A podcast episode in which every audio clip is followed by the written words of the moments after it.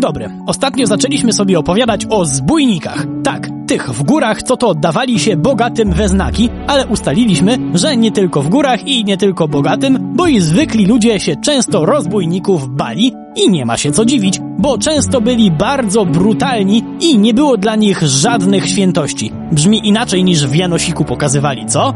No niestety. I sam Janosik też święty nie był. O nim też sobie dziś pogadamy. Czas na kolejny odcinek programu w Drewniakach przez świat. Bandy zbójnickie bardzo rzadko ryzykowały atak na miejsce, co do którego nie byli pewni, że im się przypadkiem nie postawi, albo co gorsza, że nie będzie tam łupów. To też pomijając już starannie zaplanowane uderzenia, na przykład na jakąś wieś, to moment ataku poprzedzano w większości dobrym rozpoznaniem. Sposoby były różne, oczywiście obserwacja z ukrycia, ale też podstawieni agenci. Serio, hersztowie band zbójeckich czasem miewali w swoich szeregach takiego niepozornego statystę, który szedł między chałupy i udawał żebraka, przy okazji robiąc jak to mawia młodzież, obczajkę gospodarstw i wnętrz domostw tych, którzy mu otworzyli drzwi.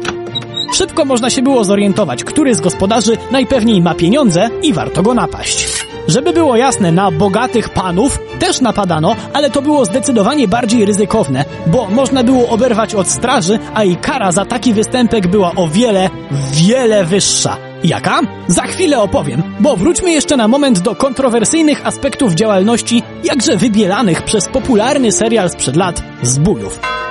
Wszyscy kojarzymy z Janosika, jakie to były religijne chłopaki, prawda? Czyli hola hola to kłamstwo? No nie, nie do końca, bo prawdziwi zbójnicy, owszem, uważali się za bardzo religijnych, ale dość wybiórczo, bo jak można było okraść duchownego albo napaść na plebanie, to jakoś problemu nie było.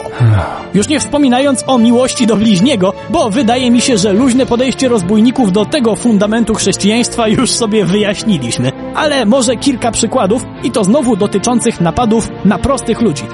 Według wspomnień pewnego podhalańskiego proboszcza, zbójnicy szczególnie bezwzględni byli dla tych, którzy nie chcieli powiedzieć, gdzie trzymają oszczędności. Jeden z jego parafian został ciężko pobity, a kolejnej nocy brutalnie przesłuchano jego żonę, którą torturowano wkładając do pieca. Poza tym rabusie mieli inne nieprzyjemne metody wymuszania informacji, jak chociażby przybijanie do ściany. A jaki był najpopularniejszy rozbójnik?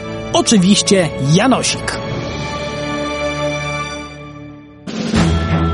Żeby było jasne, bo może nie każdy wie, Janosik istniał naprawdę i ten prawdziwy był przynajmniej tak samo popularny w swoich czasach, jak i jakiś czas później, jak w jego postać wcielił się pan Marek Perepeczko. Serio, Janosik był jedną z najpopularniejszych postaci w środkowej Europie na przełomie XVII i XVIII wieku. Przy czym nie był Polakiem. Urodził się na terenie dzisiejszej Słowacji, we wsi Terchowa w roku 1688.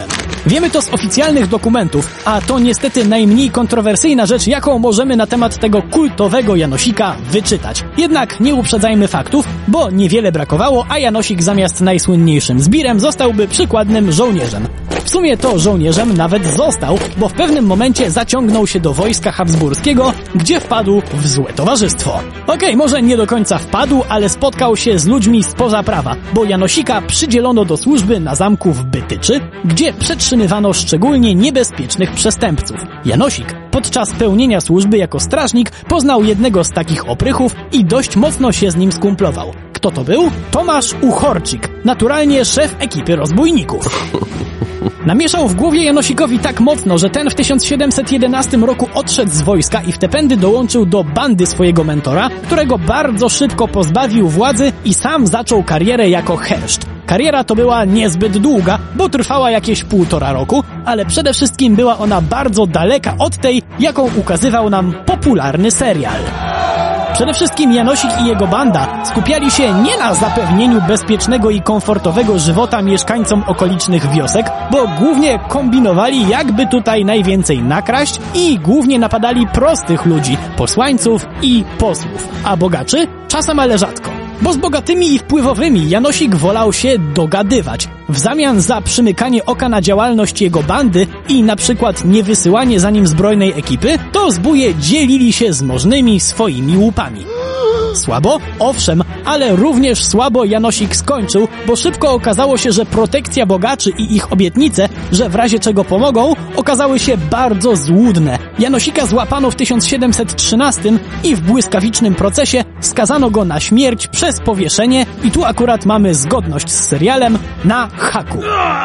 A za co formalnie skazano Janosika? No, tutaj niestety złych informacji dla fanów legendarnego Harnasia. Ciąg dalszy. Na śmierć skazano go za zabójstwo duchownego, a w akcie desperacji Janosik chciał jeszcze winę zwalić na swojego kompana, co jednak nie pomogło mu zachować życia, o godności nie wspominając.